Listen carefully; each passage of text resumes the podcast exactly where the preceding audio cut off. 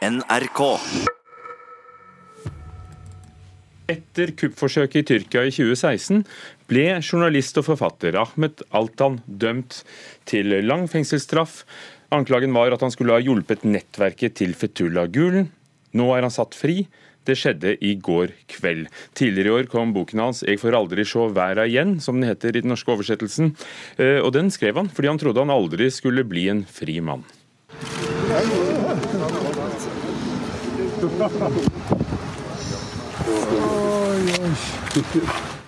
Ja, Disse litt fjerne gledessukkene kom fra en lykkelig mann som møtte venner utenfor toppsikkerhetsfengselet Silivri i går kveld. Sissel Wold, korrespondent i Istanbul. Skal vi begynne der? Hvem er Ahmed Altan? Han eh, har vært en veldig populær forfatter her i Tyrkia i mange år. Og han var også en redaktør for avisen Taraf. Han tok til orde for at EU eh, e og Tyrkia må nærme seg. Han mente at hvis Europa viser Tyrkia ryggen nærmest, så vil Tyrkia utvikle seg i en autoritær retning. Han har også tatt til orde for å forsones forsoning mellom den kurdiske minoriteten og de tyrkiske myndighetene. Dette er jo ting han og Erdogan ikke er enige om. Eh, og han skrev jo denne boken her. Jeg, jeg, jeg får aldri se verden igjen, som du nevnte, og den var oversatt til mange, mange språk. Det er et veldig sterkt dokument fra en mann som satt på livstidsdom i fengselet. Eh, men nå er denne boken kanskje utdatert. Og den fikk faktisk eh, sekser i både Dagbladet og Stavanger Aftenblad, for, for, å nevne eh, noen. Eh, og når du forteller om han sånn du gjør, så må vi spørre hvorfor fikk han eh, en så lang straff? Altså, og, og hvor mye straff fikk han? Han fikk jo livstidsdom, og det var fordi at han og broren Mehmet Altan og eh, Nasli Ilicak, som også er i samme gruppe her, de satt på et TV-program og diskuterte dagen før kuppforsøket om det var mulig at det ble flere kupp i Tyrkia. For Tyrkia har jo vært gjennom flere kupp gjennom historien sin. Og dette mente da myndighetene var et signal til kuppmakerne, en hemmelig beskjed og Dermed så fikk de dommen om at de ønsket å velte regjeringen, styrte presidenten, og at de samarbeidet med terrornettverket som eh, gulenistene og Fetullah Gulens eh, nettverk ses på som her et terrornettverk. Sånn at de ble dømt for høyforræderi på livstidsdom. Men nå er denne dommen gjort om i går for Ahmed Altan til ti og et halvt år. Han ble sluppet ut av fengsel. Han må fremdeles melde seg for politiet, og han får ikke reise ut av landet, men han får altså se verden igjen. Og Dette gjelder også politiker eh, og folkevalgt eh, Nasli Ilicak. Jeg vet ikke om det er akkurat sånn man sier det. Hun har også vært kommentator i en av de store avisene. Tyder dette som skjer nå og skjedde da i går på at det er en ny politikk overfor kritiske stemmer, da, og kanskje også kommentatorer og journalister? Ja, dette er jo veldig overraskende for mange og veldig gledelige nyheter. Noen tror kanskje at dette er en oppmyking, men i Tyrkia så henger ofte alt sammen med alt. Kanskje er det fordi at det har vært en sterk internasjonal fordømmelse av disse dommene, hvor det ikke har vært noe bevis i rettssaken. Kanskje er det fordi Tyrkia nylig har fått mye kritikk eh, fordi de gikk inn i Nord-Syria. Det vet vi ikke, men en stor test kommer om et par uker, eller neste gang Gezi Park-protestsaken er oppe. Fordi den veldig kjente eh, Osman Kavala sitter fremdeles inne, også i en rettssak der det ikke finnes eh, bevis.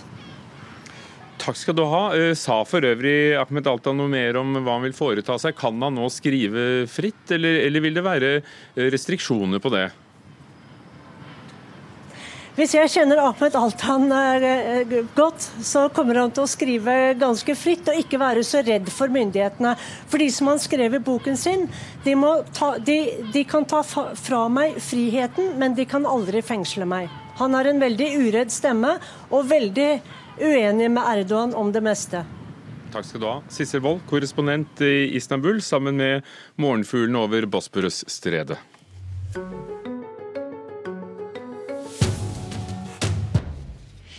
Vet ikke om du har lagt merke til det, men i år feires det over hele landet at det er 500 år siden de to første norske bøkene ble trykket. Denne uken feirer Hamar ved å invitere til diskusjonskveld om kokebøker. For eh, trenger vi kokebøker i 2019? Og de er skrevet med gotisk skrift.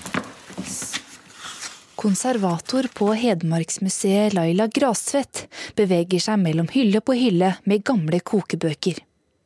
Vi er inne på det flere hundre år gamle kokebokhuset ved Domkirkeodden i Hamar. Her står Norges største offentlige samling med kokebøker. Og her har vi da resten av de utenlandske bøkene. Japansk, vi har tyske tysk, italiensk som en del av bokåret 2019 feires det over hele Norge at det er 500 år siden de norske bøkene ble trykket. Og også kokebøkene må både feires og diskuteres. Og her finnes det mange. En dyp tallerken full av oppskårne epler får et oppkok under lokk i så lite vann som mulig. Laila Grastvedt leser fra Norges første offisielle kokebok. Den er laget av Hanna Vinsnes, som var prestekone og dro rundt i hele Norge og skrev ned oppskrifter. Men hun var den første som ga ut ei bok med nøye angitt hvor mye du skulle ha av hver ingrediens, og hvordan du skulle lage det. Fordi de andre kokebøkene som kom før, var unøyaktige. Det sto ikke akkurat hvordan ting skulle gjøres. Det sto heller ikke akkurat hvor mye du skulle ha. Det sto sånn passelig mengde, eller til det blir tykt nok, eller Altså sånn Ja, men hvor mye er det, da? Så er det den første offisielle kokeboka, på en måte? Ja. Og som fikk stor betydning for eh, ettertida. Men det er ikke bare historiske kokebøker som står på menyen når Domkirkeodden inviterer inn til kokebokas verden senere denne uka. Da skal bl.a. en forfatter, forsker og Laila selv spørre seg spørsmålet trenger man kokebøker i 2019? Ja, mener seniorforsker ved Nofima, Einar Risvik. Kunnskapen hos menneskene som lager mat er jo faktisk blitt mye dårligere siden 60-tallet. Eh, når, når kvinnene begynte å gå ut i arbeidslivet på 60-tallet, så kom Toro-posen som erstatning for kokebøker. Uh, og da var det veldig lett å ty til noe som du bare åpna opp og strødde i en, en eh, kasserolle med vann, og så var maten ferdig like etterpå. Men nå er Toro ut, ifølge Risvik. Folk vil vite hvor maten kommer fra, bruke penger på mat og lage ordentlige retter. Og da er vi tilbake til at vi må vite hvordan vi skal håndtere ting igjen.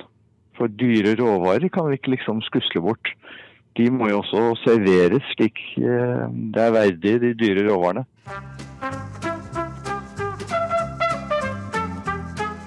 Ja, som sagt er det like mange måter å lage brød på som folk som eh, baker. Kokebokas glanstid, vil kanskje noen si. Ingrid Espelid Håvik reiste hele Norge rundt og fortalte om hvordan man kunne lage mat. Og eh, det er jo enklere eh, deiger og lager enn den vi har eh, tatt for oss tidligere. Etter at hun døde i fjor, donerte hun en stor samling kokebøker til Kokebokhuset på Hamar. Men er kokeboka død? Ja, den diskusjonen kan du ta del i på søndag hvis du er i Hamar. Reporter var Vibeke Sederquist. Moderne museet i Stockholm er et av de kjente samtidsmuseene i Norden. Og den store utstillingen i høst heter på engelsk selvfølgelig, Mud Muses, en tirad om teknologi, eller en raptus om teknologi.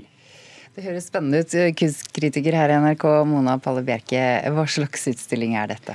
Ja, Det er en utstilling som risser opp eh, teknologihistorien fra 1960-tallet til i dag, med da og ser på forholdet mellom teknologi og kunst, og hvordan det har endret seg. Teknologien i dag er jo fullstendig vevet inn i vår virkelighet. Vi har jo eh, smarttelefoner, PC-er, nettbrett nesten som proteser, som forlengelser av kroppen.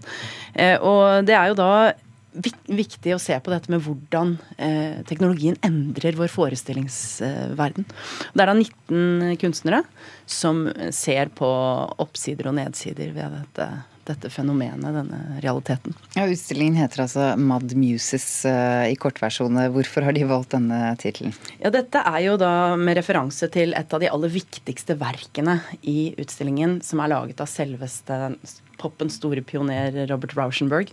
Eh, det verket heter Mud Muse, og det er laget mellom 1967 og 71. og betyr Mud Muse det er på en måte gjørmeinspirasjonskilder, eller gjørmemuser.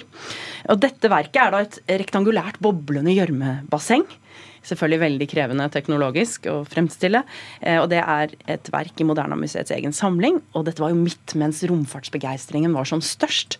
Så vi ser jo da dette, denne grågrønne gjørmen med store luftbobler som danner disse levende kraterne i den sydende overflaten. Det kan minne litt om bilder av månens overflate. Mm -hmm.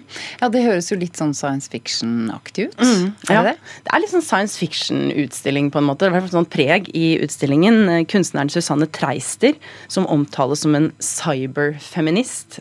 Hun er en pioner innen digital og mediebasert kunst. Hun er opptatt av dette med tidsreiser, forestillingen om tidsreisen, og bruker dataspillteknologi til å skape en type kostymer som tar oss tilbake til bestemte nøkkeløyeblikk i historien, f.eks. den russiske revolusjonen eller The Swinging 60s eh, i London.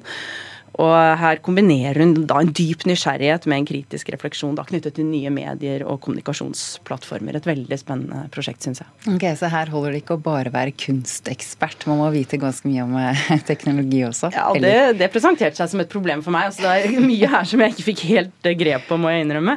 F.eks. finske Ena Suttelas Jag Magma fra 2019, som var et prosjekt som fascinerte meg veldig, men som jeg ikke forsto, fordi de teknologiske aspektene gikk meg helt over hodet. Men rent visuelt så er det veldig veldig fascinerende. Hun har skapt da håndblåste, hodeformede glasslamper, som er selvportretter. Og dette er da såkalte lavalamper. Lampene er varmet opp fra undersiden, og ulike da en slags magma som går opp og ned, skaper fargeopplevelse inni disse hodene. Og her står det da, jeg siterer, et maskininnlæringsprogram søker tegn i lavaens bevegelser via koder fra den, det urgamle verket, kinesiske verket I Ching, kalt Forvandlingens bok. Jeg fatter ikke i det hele tatt, men det lyder veldig veldig spennende. Og det er jo i hvert fall tydelig at hun skaper en forbindelse mellom noe teknisk og noe mystisk, og noe vitenskapelig og esoterisk. Så det er fascinerende, selv om man ikke helt skjønner det.